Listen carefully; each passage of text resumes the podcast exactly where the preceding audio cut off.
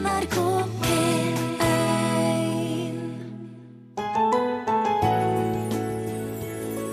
Og jeg husker rett og slett ikke foreldrene mine. Det, det, det er jo vanskelig fordi jeg har sett mye bilder, så jeg vet jo at de var der. Men jeg har veldig lite minner om, om de og kontakt med de. Hvordan er det å vokse opp med foreldre som syns de har viktigere ting fore enn å være sammen med sine barn? Verdt å høre på hva Kari Iveland forteller, og noen ting å tenke på for mange av oss, kanskje. Vi snakker også om tro, og ikke minst tvil i dag. Espen Ottosen er kristen, men ateist av natur, sin. En gang iblant så stiller man spørsmålet eh, kan jeg være helt sikker på at det jeg tror og det jeg tenker om eh, livet og de store spørsmålene stemmer. Jeg skulle veldig gjerne oppleve at Gud kom enda nærmere meg. Mellom himmel og jord med Margrete Nåvik. Å være barn av foreldre som driver misjon, har ikke alltid vært like lett. Sist høst så gikk ei kvinne til rettssak mot Misjonssambandet og Frikirka fordi hun ble utsatt for overgrep og omsorgssvikt da hun var elev ved en internatskole i Taiwan på 80-tallet. Det her skriver Vårt Land. Stavanger tingrett konkluderte i høst med at misjonsorganisasjonene ikke kunne holdes rettslig ansvarlig for det som hadde skjedd. Og det her var en interessant sak, fordi den var den første i sitt slag. Ingen barn av misjonærer har gått til sak mot en organisasjon før. Kvinna anka, men eh, nå i slutten av mai, før saken skulle opp i lagmannsretten, så ble det inngått forlik mellom partene. Belastninga med å ta saken videre ble for stor for kvinna. Vi vet også at barn som ikke bodde på internat, barn som bodde sammen med sine misjonærforeldre, kunne ha det tøft. De ble gjerne passa av andre ansatte ved misjonsstasjonen, for foreldrene var opptatt fra morgen til kveld i tjeneste for Gud og Jesus. Kari Iveland var et sånt barn. I mange år bodde hun og foreldrene i Bangladesh, og hadde tilhold på misjonsstasjonen. Sjøl om Kari så sine foreldre daglig, så var det sjelden at de hadde tid til henne. De to eldre brødrene hennes gikk på internatskole, så de ble ikke ordentlig kjent med før de hadde blitt voksen. Hvordan var det å være Kari, egentlig? Jeg tenker at min opplevelse med å være barn da var å ikke forstyrre. Eh, For de hadde viktige ting å gjøre, og en misjonsstasjon er jo et sted hvor det kommer mange mennesker hele tiden. Det er andre norske som bor der. Besøk. Det kommer folk som trenger eh, hjelp. Eh, Og jeg var nok overlatt veldig mye til meg selv. Ikke forstyrr, tror jeg har vært eh, refrenget mitt. Og jeg er en person som, som kan være mye, jeg. Snakker mye og tar mye plass og liker å, å leve. eh, I utgangspunktet. Så det var ikke så lett for meg. Men foreldrene dine var, var der allikevel, altså? Det var ikke sånn at du ikke så dem i dagevis? Nei da, men ikke forstyrr gikk mer på at det arbeidet de gjorde var veldig viktig. Det var et kall de hadde fått fra Gud. Ja. Um, og det er, i hvert fall som barn, uh, så føles det nokså overveldende Uh, å gå imot det eller forstyrre med mine eventuelle behov, da, som virket veldig veldig små i forhold til at jeg hadde min bestevenninne som fikk mat annenhver dag. Um, Hva, så- var, hva var dine behov, udekte behov, da? Eh, at jeg følte meg mm, ubeskyttet. Altså det å gå ut i verden og ikke føle at det er noen som passer på deg. Eh, den opplevelsen tror jeg mm, fulgte meg. Ja. Den følelsen. ja. Mm. Og har fulgt meg siden. Og har fulgt deg siden, Har ja. fulgt meg siden. Jaha, hvor, på hvilken måte da? Eh, ikke stole på nærhet. Eh, vi flyttet mye. Eh, folk, det var mange skifter i mennesker som kom og gikk. Så det med stole på kontinuitet bli, du blir- blir redd for å Det tror jeg gjelder også mine brødre som var på internatskole. At du blir redd for å knytte deg til noen, for du vet at alt er kortvarig. Er du redd for å knytte deg til noen nå også?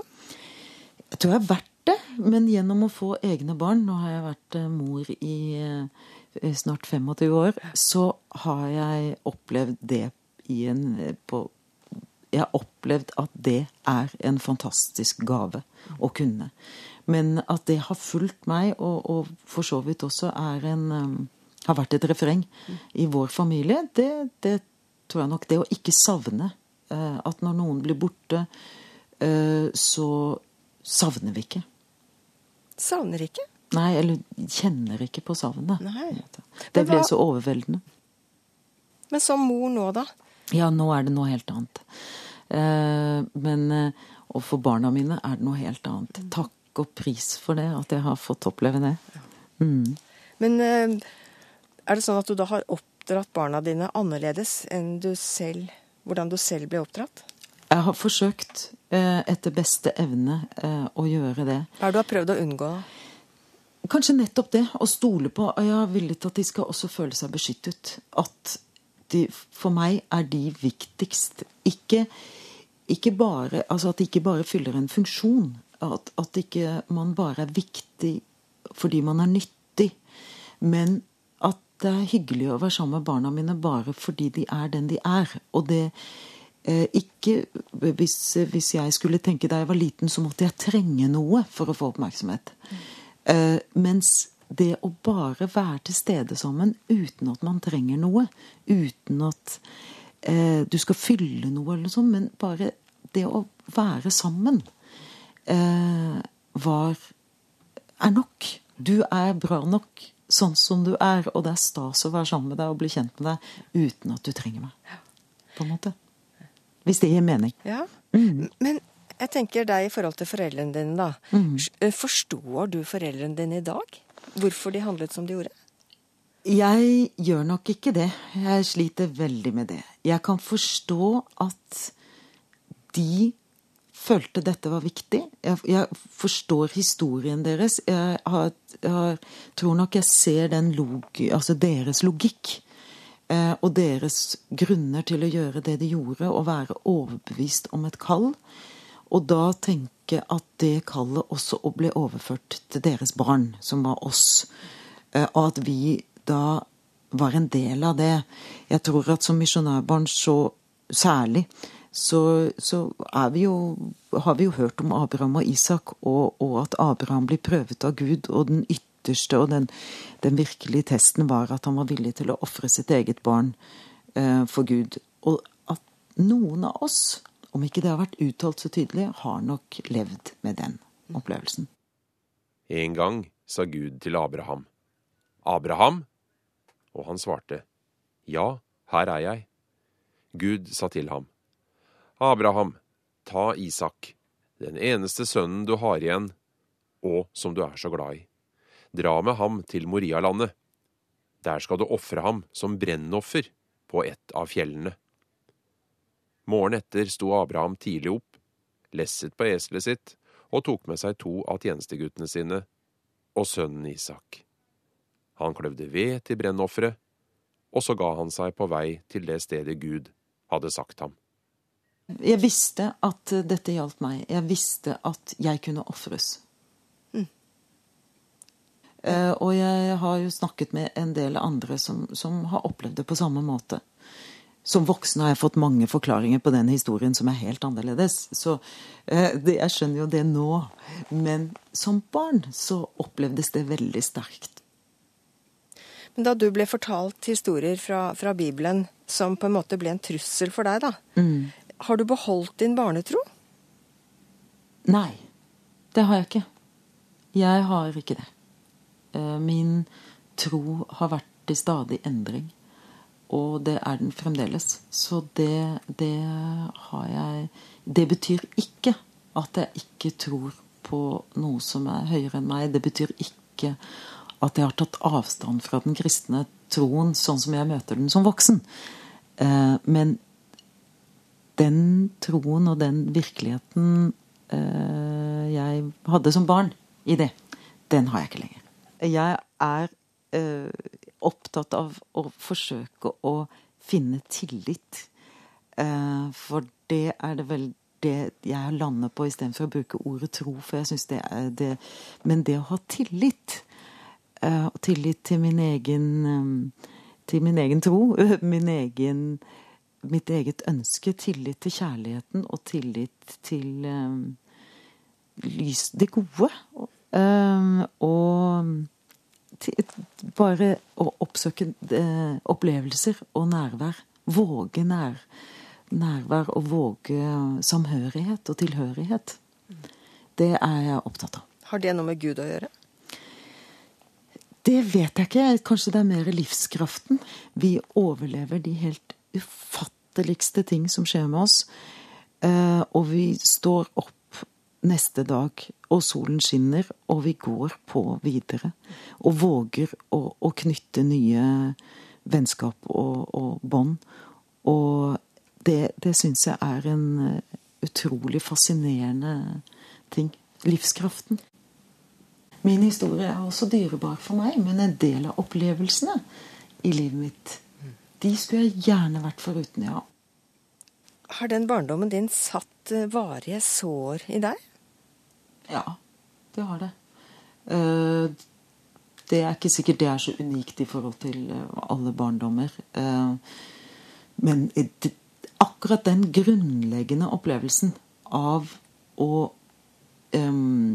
ikke være beskyttet, ikke være så viktig eh, som, som, da denne, dette kallet, eh, den tror jeg ja kanskje alltid kommer til å følge eh, som, en, som en følelse, uten at jeg nå blir overmannet av det eller styrer livet mitt ut fra det.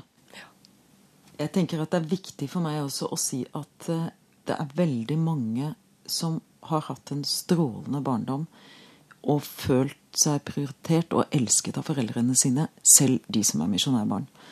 Så, eh, og jeg har heller ikke noe ønske om å um, sverte mine foreldre.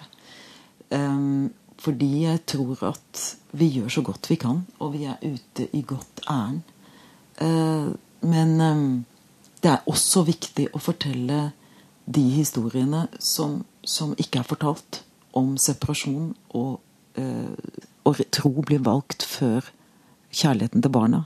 Um, fordi det er noe som stadig foregår. Det sier Kari Iveland til reporter Miriam Wiklund.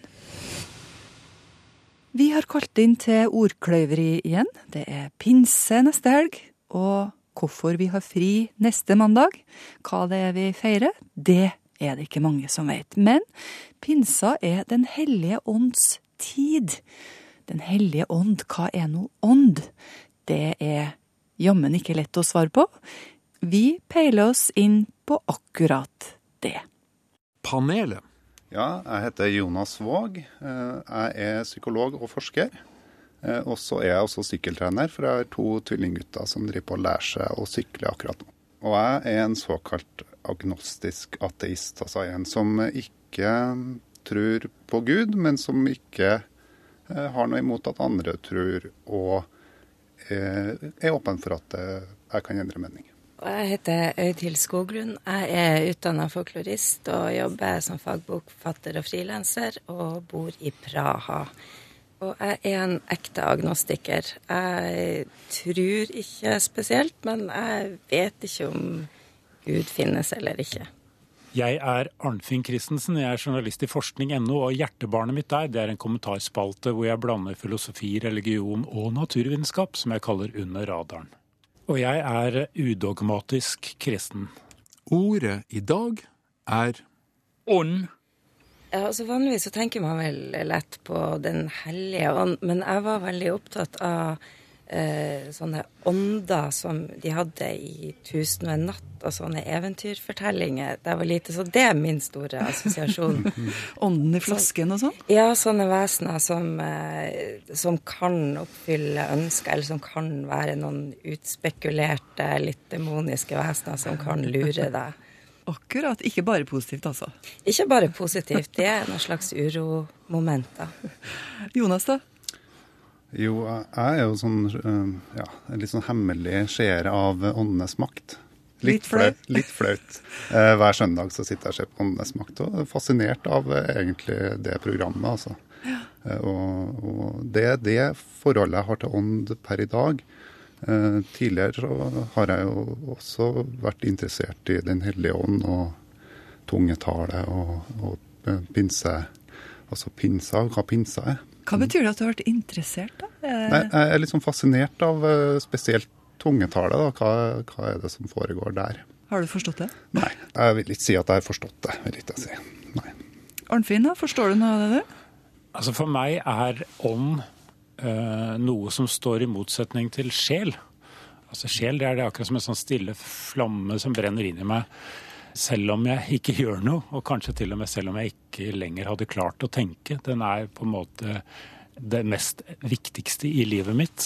Mens ånd, det har mye mer med tanker å gjøre. Det har mye mer med å gjøre å gjøre. Det har mye mer med det at jeg reflekterer og at jeg er i verden å gjøre. Men er det noen slags bevissthet i det, tenker du? Ja, absolutt bevissthet. Altså jeg føler at eh, ånd er på en måte væren som blir oppmerksom på seg selv. Det var det som skjedde da Adam og Eva i syndefallet plutselig så seg selv i nakken, hadde jeg nær sagt. Det ble begynte å snakke om seg selv. Selvbevissthet. Det, og det, alt det selvbevisstheten har ført til, det er for meg ånd. Vi- Vitenskap, eh, litteratur, kunst. Alt det menneskene gjør fordi de, fordi de prøver å, å skjønne noe av verden. Da. Jo, jeg er jo enig med Arnfinn der, egentlig. Jeg, jeg, jeg, jeg klarer ikke å mikse både ånd og bevissthet som fenomener som er det samme. Eh, Men, men jeg klarer å eh, Jeg òg har jo øyeblikk hvor jeg, hvor jeg føler at eh, jeg er til stede her og nå. Og det Jeg kan godt se for meg at, at det er det fenomenet mange snakker om når de snakker om det å være til stede. Enten sammen med Gud eller, eller til stede i det som skjer rundt seg. Ja, for det, det er ikke noen sånn forutsetning at det må være en gud til stede, eller hva syns dere, for at vi kan snakke om ånd? Nei, så Man snakker jo f.eks. om å få ånden over seg, sånn helt verdslig. Eh, at eh, plutselig så klarer man å Altså, man kanskje vært litt eh, slapp og lat, og plutselig så tar man et tak og vasker leiligheten, får skrevet ferdig manuset og sånt. Eh, det kan vel litt ha med inspirasjon og litt med en slags sånn kraft som kommer over deg, at nå føler du for å, å ta grep. For meg så er det kanskje mer energi på et vis, men energi da i at det, det å få overskudd. Ja. ja. Men snakker vi om ånden som noe, noe som er utafor oss sjøl, liksom? Noe som vi ikke har kontroll på, som bare plutselig Den, jeg tenker at den er både utenfor og innenfor. Det er det som gjør den spennende. Og, og når vi snakket om Gud, og har kontakt med Gud, ånden og Gud Jeg tror nå er vi i en sånn situasjon at vi er her, og Gud er der. Enheten med Gud er brutt. Og da er den åndelige aktiviteten et slags forsøk på å gjenopprette den forbindelsen. Men, men sjelen for meg, det blir det andre. Det blir at jeg bare hviler i tilværelsen. På en måte hviler i, i Guds favn. Det det er to forskjellige ting. Litt vanskelig å forstå. Ja, det er vanskelig å forstå. Jeg er ikke helt sikker på om, om det er her, at jeg er kommet i mål med den forskjellen. Men, men det er forskjellen på det å gjøre, det å strebe. Strebe etter å skjønne Gud, etter å forstå verden, forstå universet. Og det å bare noen ganger gi seg hen, eh, gi seg over til. eh, og kanskje det vil være det siste jeg gjør før jeg dør, for da har jeg ikke noe mer Da oppgir jeg ånden, men kanskje sjelen min lever videre. Men eh, Audhild og Jonas, dere vil jo ikke forklare det med Gud, sånn som jeg har forstått dere. Hva er det da? Hva er det her fenomenet? Altså, nå har vi snakka om ånd på forskjellige måter. Og det er jo noe vi alle kan merke, det at du får en slags ja, mer energi eller uh, trøkk eller inspirasjon. Sånne ting. Det, da trenger du på en måte ikke noe Gud utafor. Eh, altså antagelig så er det jo så er det jo bare en sjøl. Men, men at noen ganger så føles man mer, eh, mer energisk. Det er ikke og- bare bare det. det er det begynnelsen på alt, det. En selv. Nå har vi jo snakka som om at det er et sånn skarpt skille mellom kropp og ånd her. Er det noen som har noen innvendinger mot det?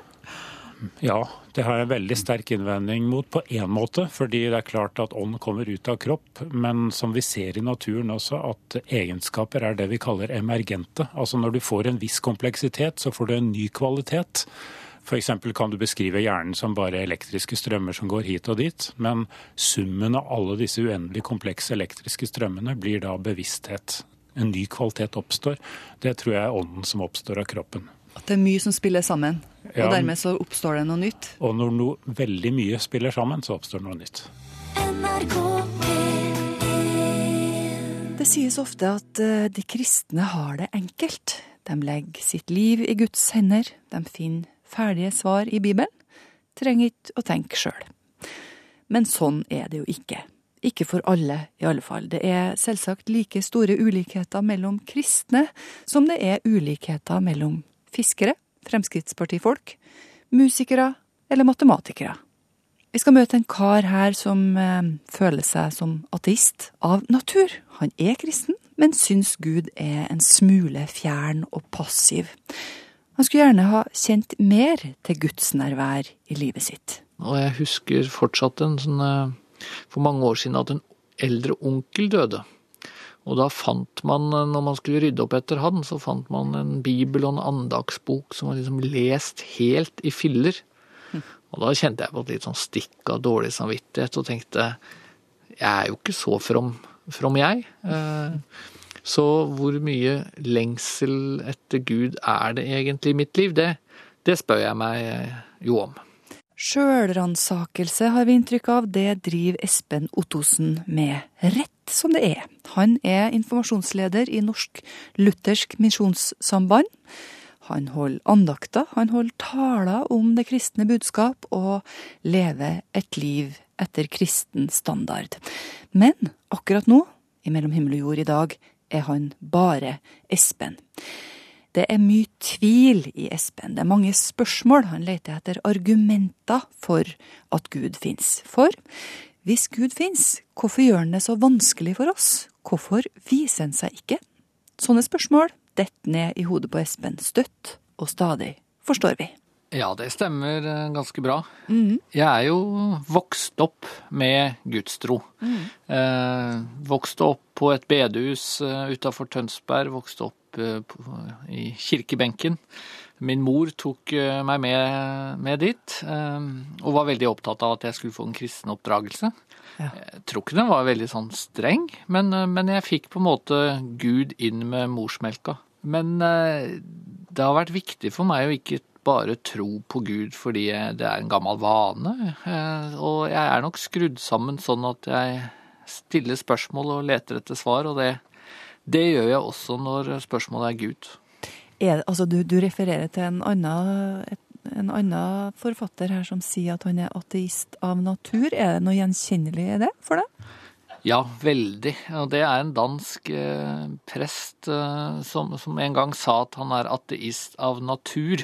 Eh, kristen av overbevisning. Eh, og jeg syns det er en fantastisk god formulering som treffer meg. Og, og jeg syns det var litt godt å høre han si det òg, for jeg er jo en person som taler. Jeg går opp på talerstoler, holder andakter. Eh, og da kan man jo av og til spørre seg om man kan gjøre det, hvis man kjenner litt på tvilen og ateismen sitter liksom litt i ryggmargen. Og da var det greit å vite at det i hvert fall var en til som hadde litt på samme måte. Det kan jo være at noen andre blir litt letta når de hører deg si det. Hva ja, tror du jeg har fått den tilbakemeldingen fra, fra ganske mange etter at denne boka kom ut og noen leste den, at det, det syns de var litt befriende. Eh, og jeg tror jo at det gjelder alle. Altså selv om det skulle være noen som hører på denne sendingen som vil betegne seg som veldig hardbarka ateister, så vil jeg jo tro at en gang iblant så stiller man spørsmålet eh, kan jeg være helt sikker på at det jeg tror og det jeg tenker om eh, livet og de store spørsmålene stemmer. Tvil er bra. Tvil kan i hvert fall være bra, og det kan også hindre litt sånn fanatisme. Det tror jeg er et poeng, at man ikke bare tror ting man har eh, lært eh, en eller annen gang, og tviholder på det, men faktisk lytter til hva andre sier. Og da, da blir det litt tvil, for vi er jo forskjellige, vi mennesker. Men eh, når jeg også jobba med denne boka og prøvde å tenke etter hvorfor tror jeg egentlig, så, så har jeg ikke sånn veldig mange sterke opplevelser, jeg.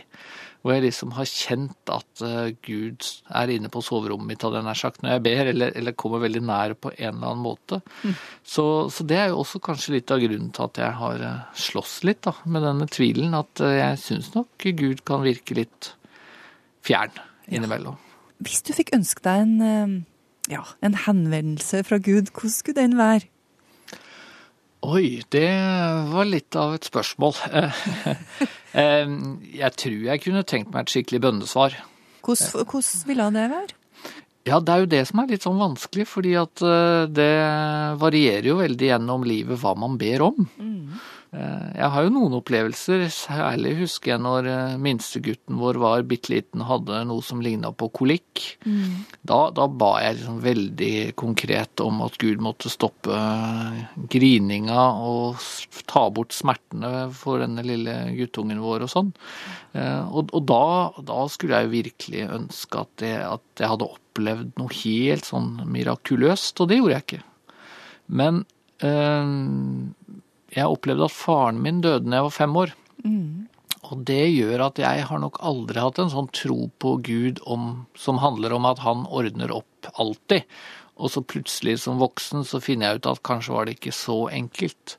Jeg har nok alltid vært klar over at uh, Gud ikke er en sånn quick fix, enkel løsning på livets problemer. Og det, det var vel kanskje en fordel. Jeg har møtt uh, andre kristne som syntes det var det verste. At når de var små, så tenkte de at Gud passet alltid på, ferdig med det. Mm. Og når de blir litt eldre, så, så innser de at uh, troen ikke er fullt så lettvint. Tror du at det her bildet kan endre seg mer utover videre i livet? Du har jo sannsynligvis mange år å forandre, ja. forandre bildet på. Ja, jeg, jeg håper jo det. For jeg tror jo ikke om meg selv at jeg er en sånn uh, veldig god, from kristen. Uh, som akkurat nevnt så syns jeg at jeg ber litt uh, for lite, og jeg skulle veldig gjerne oppleve at Gud kom enda nærmere meg. Og, og, sånn sett så skulle jeg jo ønske at jeg om 20 år kunne sitte her i studio og fortelle om noen enda sterkere opplevelser av at, at Gud rusla ved sida mi. Mm. Kan det være at denne uh, søken da, som jeg syns jeg ser i boka her, etter svar, en slags sånn intellektuell greie, en tankesøken, mm. uh, kan den være til hinder, tenker du, for uh, kontakten med Gud? Ja, det tror jeg. Og det er noe jeg prøvde å være litt bevisst på når jeg skrev i boka òg. At jeg, jeg skulle ta, ta på alvor at det er jo ikke sikkert at Gud, eh, jeg holdt på å si, eh, finnes eh, i mikroskopet eller i argumentene, men at det å møte Gud foregår på et litt annet nivå.